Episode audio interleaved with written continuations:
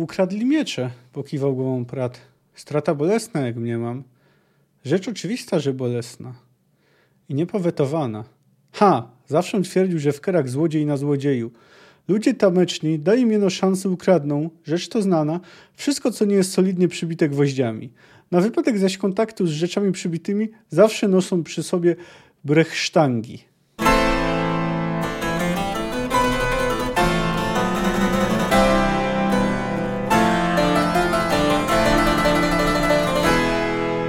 Cześć, jestem Kamil K., a Ty słuchasz mojego podcastu Fantastyka Krok po Kroku. Analizuję w nim rozdział po rozdziale lub opowiadanie po opowiadaniu wybrane książki fantastyczne. Zapraszam.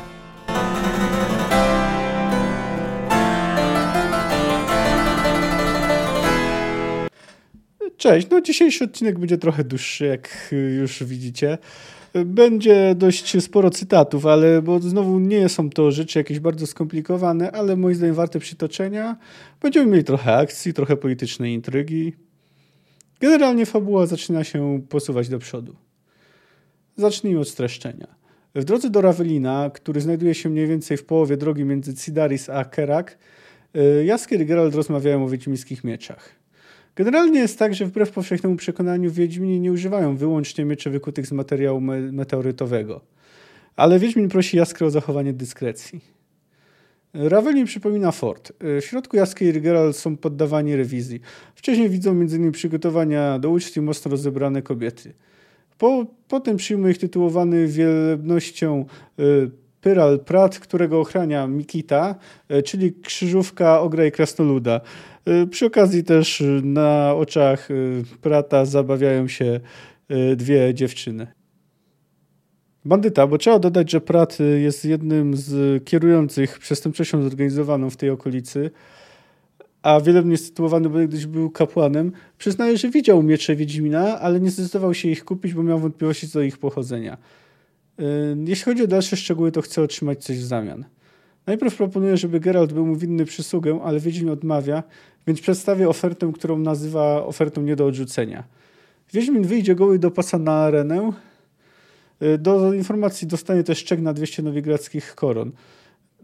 No i oczywiście Geralt nie tylko wyjdzie na arenę, ale pokona to, co tam będzie. Geralt godzi się na, tą, na tę propozycję. Pratt mówi, że zaskurował pośrednikowi, bo była to osoba rzekomo mu znana, udał się do domu akcyjnego Borsodych w Nowigradzie. Najbliższa aukcja ma się tam odbyć 15 lipca. Następnie półnagi, bezbronny, Wiedźmin wychodzi na arenę. Mierzy się tam z Wigilozaurem, czyli dwunożnym jaszczurem, E, który co ciekawe także jest magicznie zmutowany, e, czyli trochę tak jak Geralt. Jest używany do stróżowania i ochrony. Walka jest dość trudna. Geralt blokuje i odrzuca jaszczura znakami art i heliotropu, ale i tak kilka razy potwór zdoła go trafić ogonem w plecy. Krwawiący Wiedźmin czuje, że jego znaki zaczynają słabnąć. W pewnym momencie jeden z widzów opiera się o pręt z lampionem, pręt się łamie i spada na arenę, no a w wyniku upadku lampionu wybucha pożar, który wyraźnie rozprasza potwora. Geralt korzysta z okazji, chwyta prąd, pręt i, i wbija go Wigilozaurowi w czaszkę. Następnie medyk Prata opatruje plecy Geraltowi i zakłada mu szwy. Po czym żegnają się z Pratem w niezbyt miłej atmosferze. Geralt słyszy, że ktoś za nimi jedzie. Nakazuje Jaskrowi jazdę przodem, powrót do Kerak. On sam czeka. E, I to jego oczywiście szokują ci ludzie. Z rozkazów jakiegoś księcia, który był obecny podczas walki Geralta na arenie. Przedstawia się on jako królewicz Ksander i chce nająć Wiedźmina, by zabił króla i braci księcia, ponieważ chce zasiąść na tronie. Gdy Wiedźmin odmawia, książę próbuje go szantażować, używając rzekomych dowodów, które mają y, świadczyć o malwersacjach finansowych, jakich miał dopuszczać się Geralt. Pomimo nacisków księcia Wiedźmin odrzuca jego propozycję, Geralt zwraca też uwagę na to, że ktoś ukrywa się w Alkierzyku. I o tym wspomina księży wybucha śmiechem i pojawia się Ferrand. Jak się okazuje, ma do czynienia nie z księdzem Ksanderem, a z księciem Egmundem, który rzekomo wcielił się swojego brata po to, by go przetestować, czy nie ma możliwości, by ktoś go najął, by zabił e, króla Belohuna. Książę składa mu kolejną propozycję, tym razem rzekomo prawdziwą, która ma polegać na tym, że podczas obchodów święta Lammas król będzie, Geralt będzie chronił króla, bo, ponieważ Egmont spodziewa się zamachu na życie swojego ojca. Geralt mówi, że najpierw musi odzyskać swoje miecze, Egmont obiecuje mu, że je dostanie. Około północy Wiedźmin wraca do Koralta, natychmiast zajmuje się naprawą tego, co według niej zepsuł medyk. Przy okazji Geralt pokazuje plakietkę, którą zdarł z Wigilozaura. Ona mówi mu, informuje go, że ta plakietka pochodzi z zamku Risberg, y, będącego siedzibą sławnego Ortolana. I to właśnie tam ma udać się Geralt, ponieważ plany y, konfratrów y, Koral wobec Wiedźmina zaczęły się konkretyzować. No więc, jak słyszycie, dzieje się w tym rozdziale całkiem sporo. Generalnie rozdział jest dość prosty, ale mamy tu trochę zabaw z różnymi schematami fantasy, z opowieści fantastycznych. I ogólnie tak fabuła trochę przyspiesza. No oczywiście, jak już mamy tu też wątek polityczny, no ale zanim Jaskier i Geralt trafiają do Prata, to rozmawiają o wiedźmińskich mieczach. I tu też mamy takie trochę rozprawienie się z motywem magicznej broni y, stworzonej z meteorytu. No to posłuchajcie dość długiego fragmentu. Głosi wieść gminna, mówił poeta, że używane przez Wiedźminów miecze mają właściwości magiczne. Pomijając zmyślenia o niemocy płciowej, no bo jak pamiętacie, to Geralt kiedyś zasugerował, powiedział Ferrantowi, że rzekomo jego miecze powodują impotencję. Coś na rzeczy być tu musi. Wasze miecze to nie są zwykłe miecze. Skomentujesz to? Geralt trzymał klacz. Znudzony przedłużającym się pobytem w staniach Polsce, coraz to chciało się galopować. I owszem, skomentuję. Nasze miecze to nie są zwykłe miecze. Twierdzi się, Jaskier udał, że nie słyszy drwiny, że magiczna moc waszej wiedźmińskiej broni zgubna dla potworów, z którymi walczycie, tkwi stali, z której miecze są kute.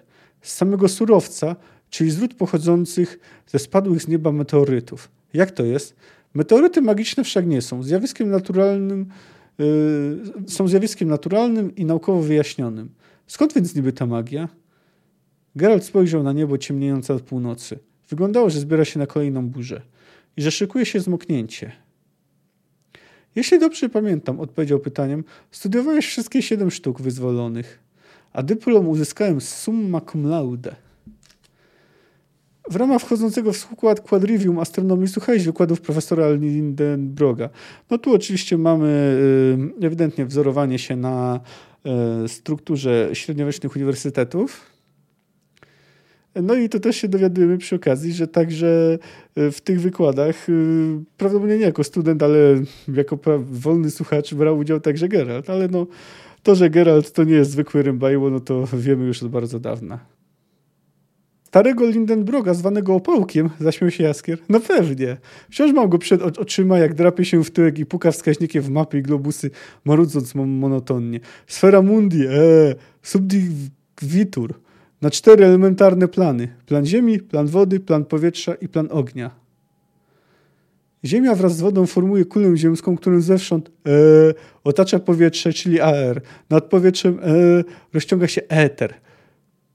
Powietrze ogniste wel ogień. Nad ogniem zaś są subtelne niebiosa syderalne, firmamentum sferycznej natury. Nowym lokują się eratika sydera, gwiazdy błąkające się i fixa sydera, gwiazdy nieruchome. Nie wiem, Parsknął Geralt. Co bardziej podziwiać? Talent do małpowania czy pamięć? Wracając zaś do interesującego nas zagadnienia.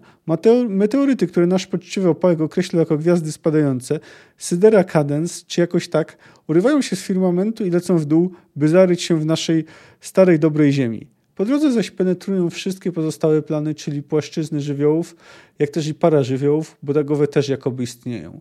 Żywioły i pary żywioły nasycone są, jak wiadomo, potężną energią źródłem wszelkiej magii i nadprzyrodzonej mocy, a penetrujący je meteoryt energią ową wchłania i zachowuje.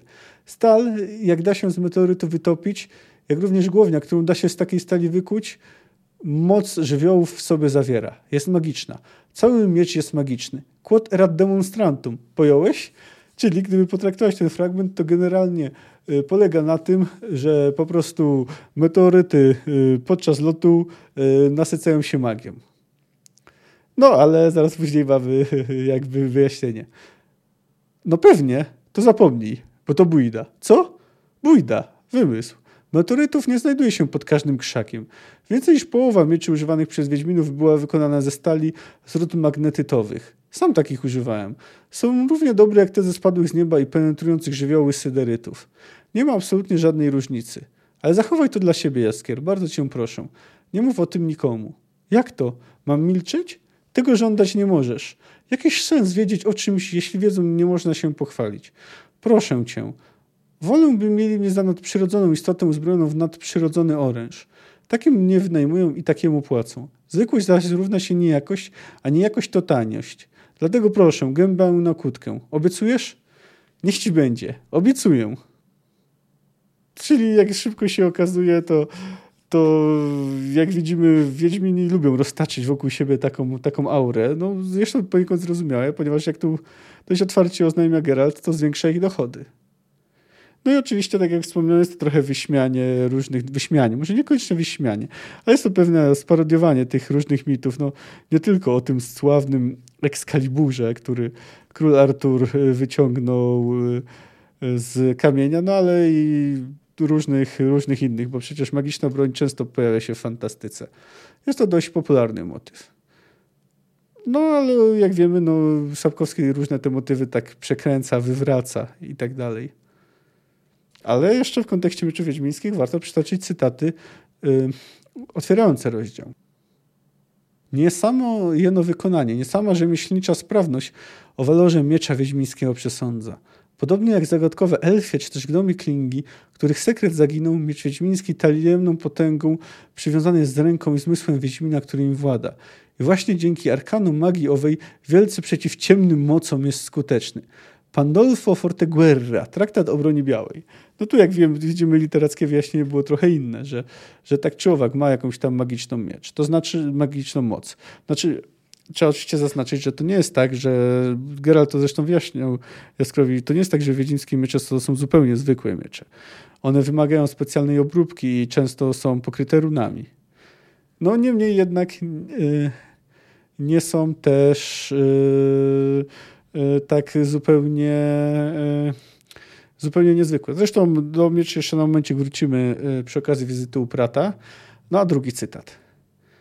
Zdradzę wam pewien sekret o wiedźmińskich mieczach. To bójda, że mają jakąś tajemną moc i że takie wspaniałe niby z ich oręże, że niby lepszych nie ma. To wszystko fikcja, wymyślona dla pozoru. Wiem to z absolutnie pewnego źródła.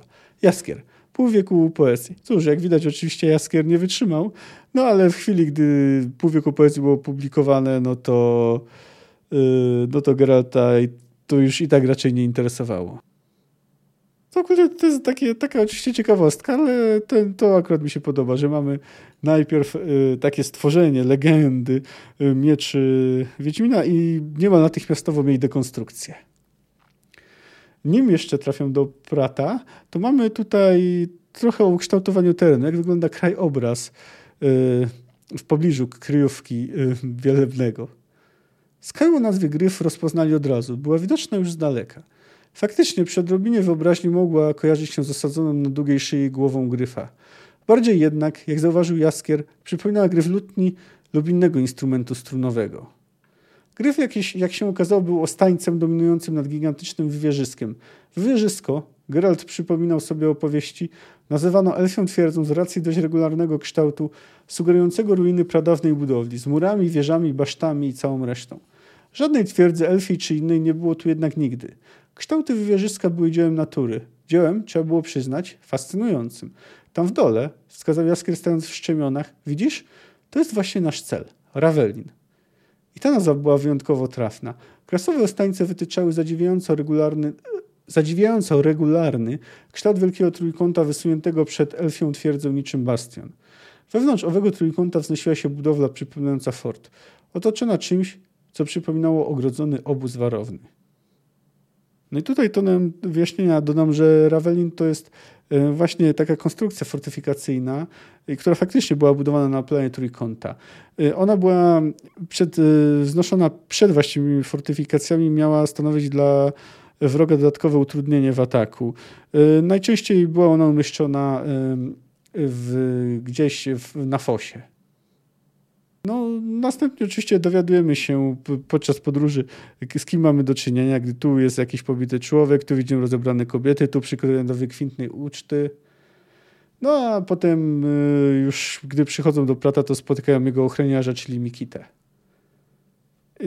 Można powiedzieć, że bardzo dużo magicznych postaci, stworów y, czy istot y, spotykamy tutaj. Oprócz, bo oprócz Geralta mamy właśnie tego Mikitę i jeszcze Wigilozaura. Nazwany Mikitem Olbrzym, ewidentnie straż przyboczna wielebnego szefa, był metysem, wynikiem skrzyżowania ogra i krasnoluda. Efektem był łysy krasnolud wzrostu dobrze powyżej siedmiu stóp, całkowicie bez szyi, z kędzierzawą brodą, wystającymi jak łodyńca zębami i rękoma sięgającymi kolan. Nieczęsto widywało się podobną krzyżówkę. Gatunki, jak się uważało, były całkowicie odmienne genetycznie. Coś takiego jak Mikita nie mogło powstać naturalnie. Nie obyło się bez pomocy wyjątkowo silnej magii. Magii, nawiasem mówiąc, zakazanej. Krążyły pogłoski, że sporo czarodziejów lekceważy zakaz. Geralt miał właśnie przed oczami dowód na prawdziwość pogłosek. No, że istnieją różne rodzaje zakazanej magii, to przecież wiemy już y, przy okazji, jak Jennifer kiedyś tłumaczyła Jaskrowi, że nekromancja jest zakazana. No tu mamy jednak do czynienia z czymś lżejszym niż nekromancja. Y, no oczywiście tu można przypomnieć o genetyce, no ale wiemy, że w świecie Wiedźmina y, wiedza genetyczna jest dość rozwinięta.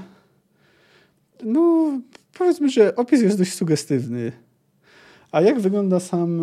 A swoją drogą ciekawe, czy towarzyszyły tej mutacji jakieś skutki uboczne, na przykład czy e, taki ogrokrasnolud krócej żył, e, czy cierpiał ból, e, czy na przykład wpływało to w jakiś sposób na jego zdolności intelektualne. Bez wątpienia tak, Mikita, chociaż wydaje się być istotą rozumną, to się praktycznie na przykład nie odzywa. No ale szczegółów nie. Nie znamy. A sam Prat jest opisany w ten sposób. Wielebny Pyral Prat, uchodzący nie bez podstaw, za szefa przestępczości zorganizowanej całego regionu, wygląda jak emerytowany kupiec bławatny. Na pikniku emerytowanych kupców bławatnych nie rzucałby się w oczy i nie byłby do zidentyfikowania jak ktoś, jako ktoś spoza branży. Przynajmniej z odległości. Obserwacja z bliższego dystansu pozwala zobaczyć u Pyrala Prata to, czego kupcy błowatni nie mywali. Starą i zblakłą bliznę na kości policzkowej, ślad po cięciu nożem. Nieładny i złowróżący grymas wąskich ust. Jasne, żółtawe oczy, nieruchome jak u pytona.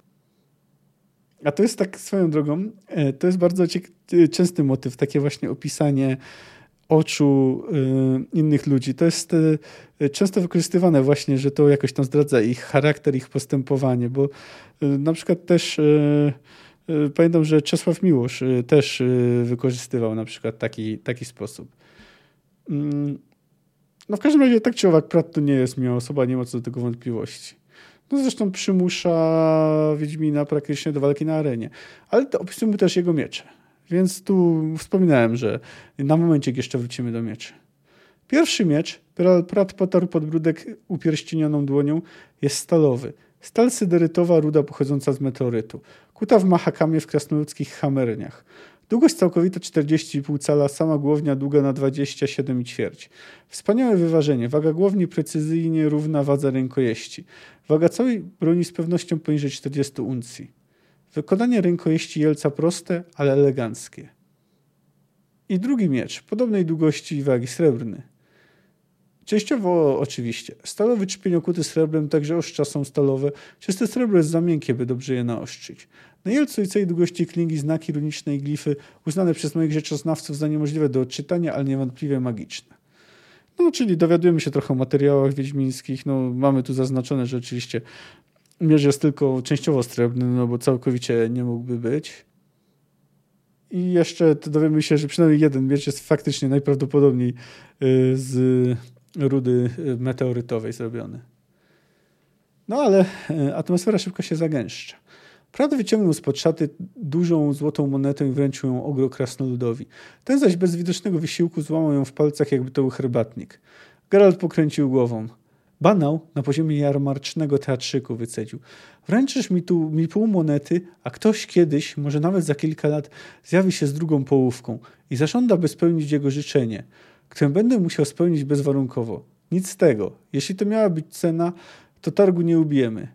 Causa finita. Idziemy jaskier? O, tutaj warto jeszcze zwrócić uwagę, jak często, to już nie tylko jak widać w warunkach y, procesu sądowego jest wtrącana łacina przez bohaterów. Wcześniej tak nie było, chociaż oczywiście się pojawiała, na, na przykład podczas Narody Królów. Nie zależy ci na odzyskaniu mieczy? Nie aż tak. Podejrzewałem to, ale spróbować nie zawodziło. Złożą inną ofertę, tym razem nie do odrzucenia. Idziemy, Jaskier. Wyjdziesz, wskazał ruchem głowy, ale innymi drzwiami, tymi, rozebrawszy się w przód, w samych kalesonach. Geraltowi zdawało się, że panuje nad tworzą. Musiał się mylić, bo ogr krasnolud zaryczał nagle ostrzegawczo i postąpił ku niemu, unosząc łapy i śmierdząc dwójnasób. To są jakieś kpiny, oświadczył głośno Jaskier u boku Wiedźmina, jak zwykle zuchowaty i pyskaty.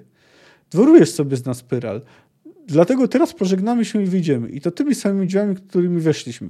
Nie zapominaj, kim jestem. Wychodzę. Nie sądzę, pokręcił głową Pyral Prat. To, że nie jesteś specjalnie mądry, już kiedyś ustaliliśmy. Ale to, by teraz spróbować wyjść, ale na to, by teraz spróbować wyjść, jesteś za mądry. No, ostatecznie no, Gerald ustępuje, aczkolwiek Prat stwierdza, że no, nie w samych kalesonach, że może mieć spodnie, natomiast ma być e, półnagi, ponieważ jak on to określa, no to ubranych Wiedźminów już widywano. No i oczywiście uzyskuje te informacje o mieczach i aukcji u Borsodych. No to, to co będzie dość ważne, bo później e, Geralt będzie próbował się na tą aukcję dostać, no ale się niestety spóźni. Natomiast z, ki, z czym e, Geralt się mierzy na arenie? Dwunogi jaszczur przypominał wiwernę, ale był od niej mniejszy, rozmiarów dużego doga. Miał natomiast znacznie większy niż wiwerna łeb, dużo bardziej zębatą paszczękę i dużo dłuższy ogon u końca cienki jak bat. Ogonem tym jaszczur energicznie wywijał, zamiatał nim piasek, siegł bale. Pochyliwszy łeb, skoczył na Wiedźmina ponownie. Geralt był gotów, uderzył go znakiem Aart i odrzucił. Ale jaszczur zdążył smagnąć go końcem ogona. Widownia zawrzasnęła znowu. Zapiszczały kobiety. Wiedźmin poczuł, jak na gołym barku rośnie mu i puchnie wałek gruby jak kiełbasa. Wiedział już, dlaczego kazano mu się rozebrać. Rozpoznał też przeciwnika. A no właśnie, czyli tu też chodziło o to, że Mm, by też y, była krew, prawda? To znaczy, że y, ponieważ dzięki temu ogonowi y, będzie jaszczurowi łatwiej ranić Geralta. Był wigilozaur, specjalnie hodowany, magicznie zmutowany jaszczur, kolejny mutant, używany do stróżowania i ochrony. Sprawa nie wyglądała najlepiej. Wigilozaur traktował arenę jako miejsce, którego ochronę mu powierzono. Geralt zaś był intruzem, którego należało bezwładnić, a w razie konieczności wyeliminować. E, no tutaj trzeba zwrócić uwagę, że ciekawe jest działanie znaku heliotropu. W ostatnim życzeniu służył głównie do blokowania czarów, e, gdy na przykład Yennefer coś, coś rzuciła zaklęciem na Geralta, a tu blokuje potwora. Może dlatego, że jest magiczny. Geralt ledwie zdążył złożyć przed ramiona w znak heliotropu. Czar odbił i odtrącił atakującą bestię. Widownia wrzasnęła jednym głosem. No bo jak wiemy, samo odrzucanie to jest kwestia znaku art. Tutaj tak z ciekawości, to, to heliotrop to jest też nazwa kwiatu, e, no, która pochodzi od tego, że jest jakby zawsze skierowana, w, jego głowa w kierunku, znaczy jest zawsze skierowany w kierunku słońca, znaczy taki jest mit. To tam dotyczyło też e, mitu, że pewna nimfa zakochała się w Bogu Słońca Helio, Heliosie, który ją zdradził, no i później została zamieniona w ten kwiat. No, w każdym razie Geralt jest w kiepskiej sytuacji. No, jest ranny, jest osłabiony i nie ma mieczy, ale wygrywa. Widownia huczała. Widzowie darli się i podskakiwali. Jeden, by widzieć lepiej, mocno wychylił się przez balustradę, opierając się o żelazny pręt z lampionem. Pręt złamał się i razem z lampionem runął na arenę. Pręt wbił się w piasek i lamp lampion zaś spadł na łeb wigilozaura i stanął w ogniu. Jaszczur strącił go, sypiąc wokół kaskadą iskier. Zasyczał, y, trąc łbem obale areny. Geralt wmig spostrzegł sposobność. Wyrwał pręt z piasku, z krótkiego rozbiegu skoczył i z impetem wraził żelazo w czaszkę jaszczura. Pręt przeszedł na wylot. Wigilozaur zaszamotał się, niezbornie wymachając przednimi łapami. Usiłował pozbyć się dziurawiącego mózg żelastwa. W nieskoordynowanych podskokach grzmotnął wreszcie obale i wgryzł się w drewno. Przez cały czas, jak... Mm, przez czas jakiś ściskał się w konwulsjach, rył piasek pazurami, smagał ogonem. Wreszcie znieruchomiał. No, jak więc widzimy, y, Geralt y, miał szczęście, chociaż Pratt twierdzi, że wszystko było zaplanowane. Nawiasem mówiąc, powiedział, to tamten pręt, uprzednio podpiłowany i naostrzony, spadł na arenę z mojego rozkazu. Dzięki, że tak śpiesznie. Czy to Bandzior mówił prawdę? Być może. E, dla niego to był zysk tak czy owak, bo czy by Geralt został zabity, czy, czy ciężko ranny na arenie, czy też jak tutaj pomimo problemów pokonał potwora, to on i tak e, zyskiwał. No ale możliwe, że tak zrobił, bo chociażby miał ochotę nas jeszcze kiedyś zaprosić Geralta na arenę, ale on raczej dość stanowczo odmawia. Nie wystąpiłbyś za tydzień, Geralt, z podobnym spektaklem, tylko wtedy Wiedźmin poruszył wściekle bolącym barkiem. Jeśli zamiast wigilozaura, to ty, Prat, będziesz na arenie. Żartowniś, haha. Słyszałeś, Jaskier, jakiś z niego żartowniś?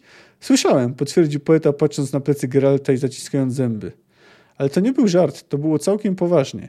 Ja też równie poważnie komunikuję ci, że uroczystości zaś ślubin twojej wnuczki występem nie uświetnią. Po tym, jak potraktować Geralta, możesz o tym zapomnieć, jak i o innych ewentualnych okazjach, wliczając chrzciny i pogrzeby, w tym twój własny.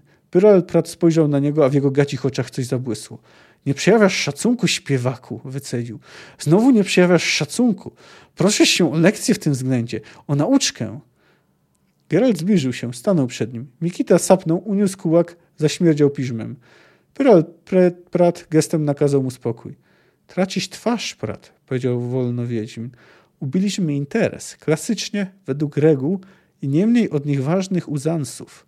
Twoi goście są usatysfakcjonowani spektaklem, ty zyskałeś prestiż i perspektywy na urząd w Radzie Miejskiej. Ja zdobyłem potrzebną informację. Coś za coś. Obie strony zadowolone. Teraz więc powinniśmy rozstać się bez żalu i gniewu. Miastego posuwasz się do gruźb.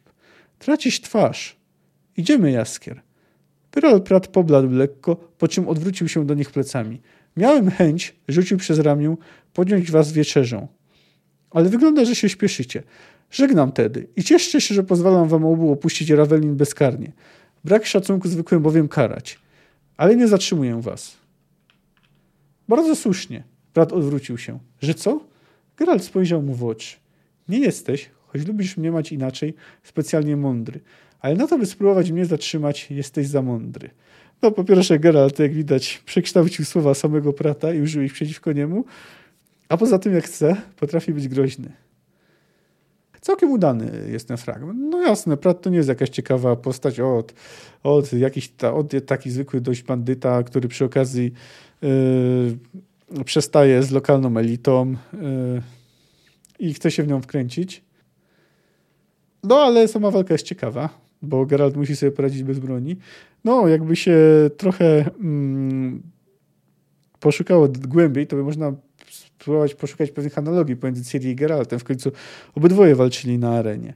I obydwoje tego nie chcieli. Obydwoje zostali do tego przymuszeni.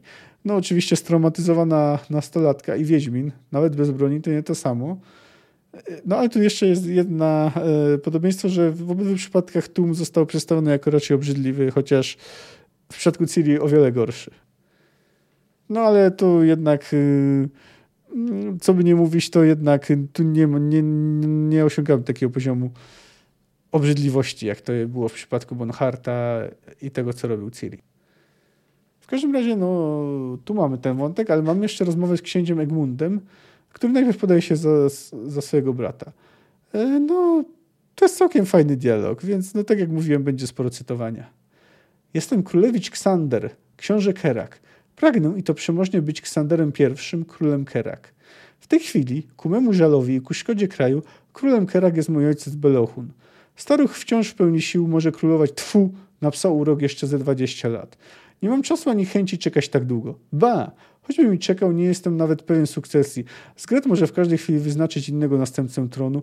Mam obfitą kolekcję potomków. I właśnie zabiera się za płodzenie kolejnego. Na święto Lammas zaplanował królewskie gody.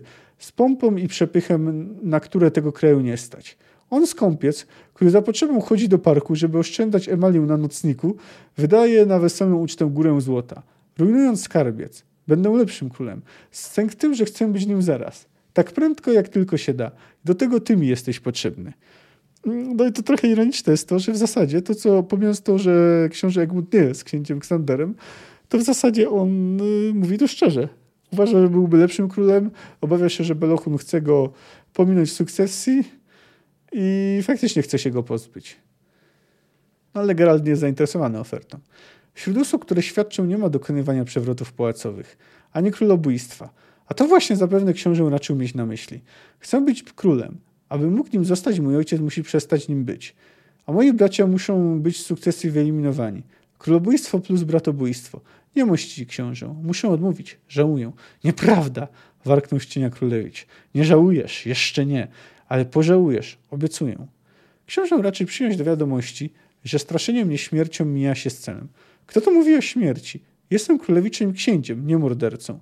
Ja mówię o wyborze. Albo moja łaska, albo niełaska. Zrobić to, czego zażądam, a będziesz cieszył się moją łaską. A jest ci ona, uwierz, właśnie nader potrzebna. Teraz, gdy czeka cię proces i wyrok za finansowy przekręt. Kilka najbliższych lat spędzisz, zapowiada się, przy wiośle na galerze. Tyś, zdaje się, myślał, że się już wywinął, że twoja sprawa już jest umorzona, że wiedźma Nate, która dla kaprysu pozwala ci się chędożyć, odwołała oskarżenie i pokrzyku. Jesteś w błędzie. Albert Smulka, żupan Ansegis, złożył zeznanie. To zeznanie cię pogrąża.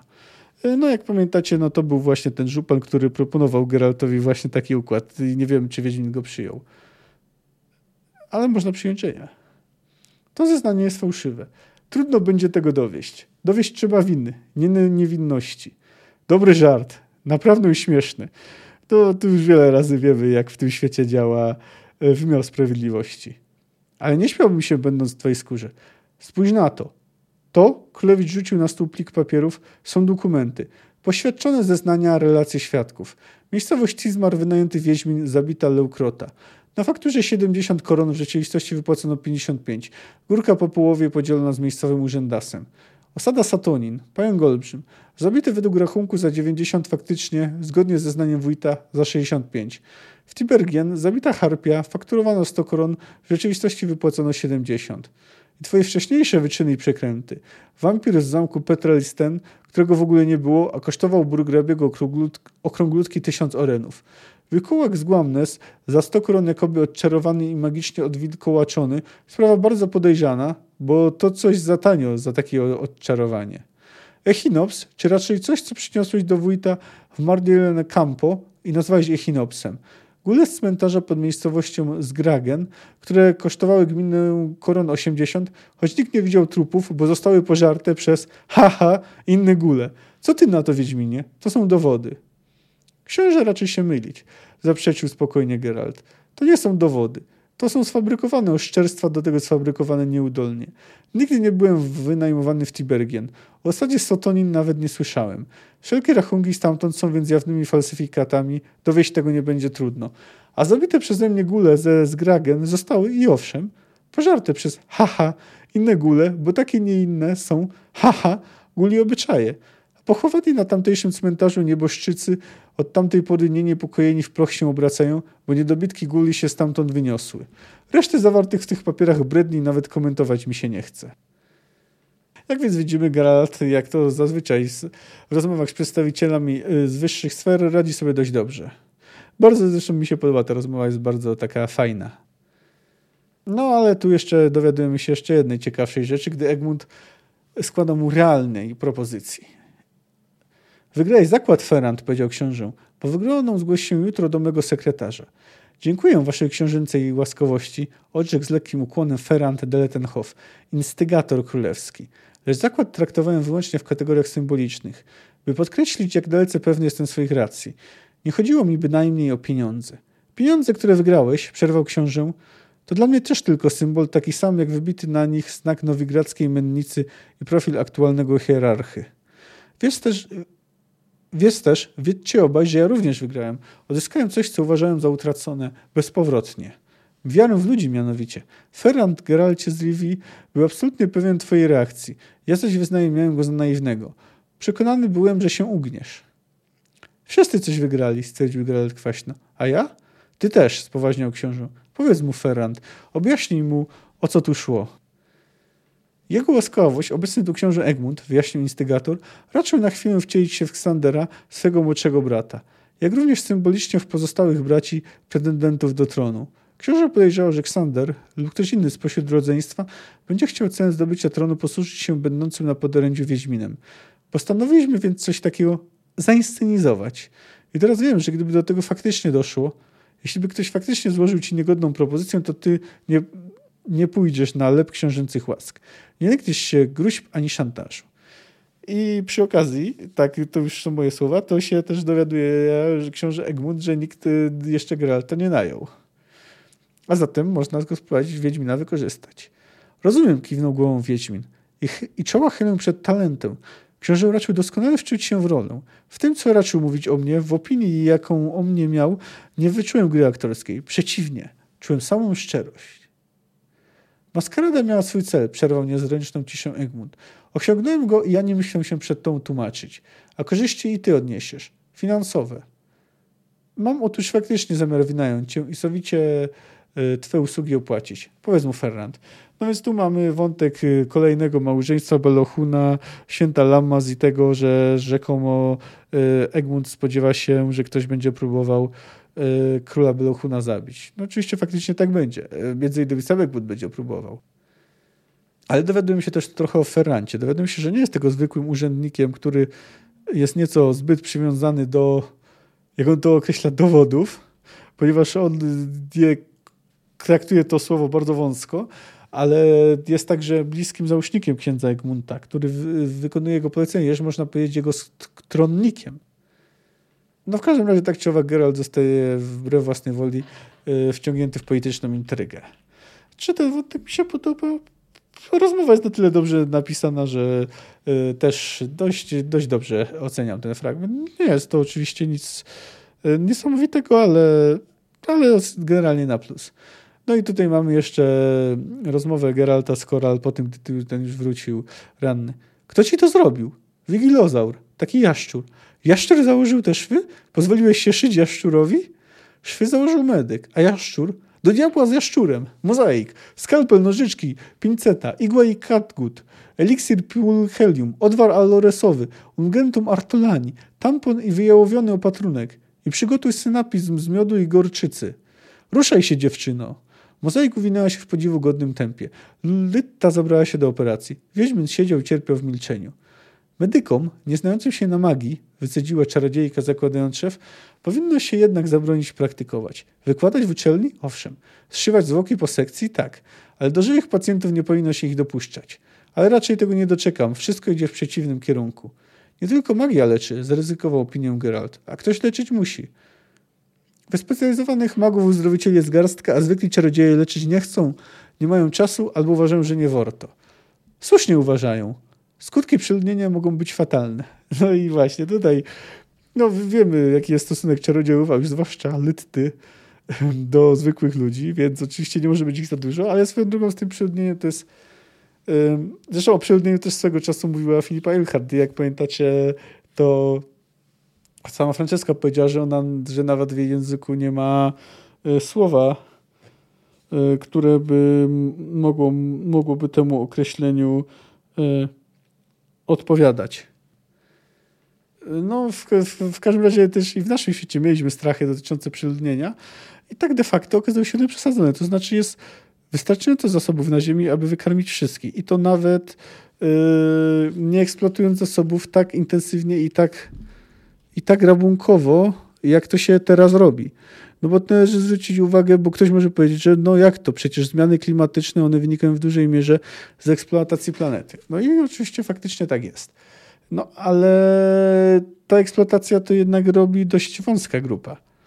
Oczywiście to nie jest takie proste, bo korzystają z tego, korzysta z tego też duża liczba ludzi.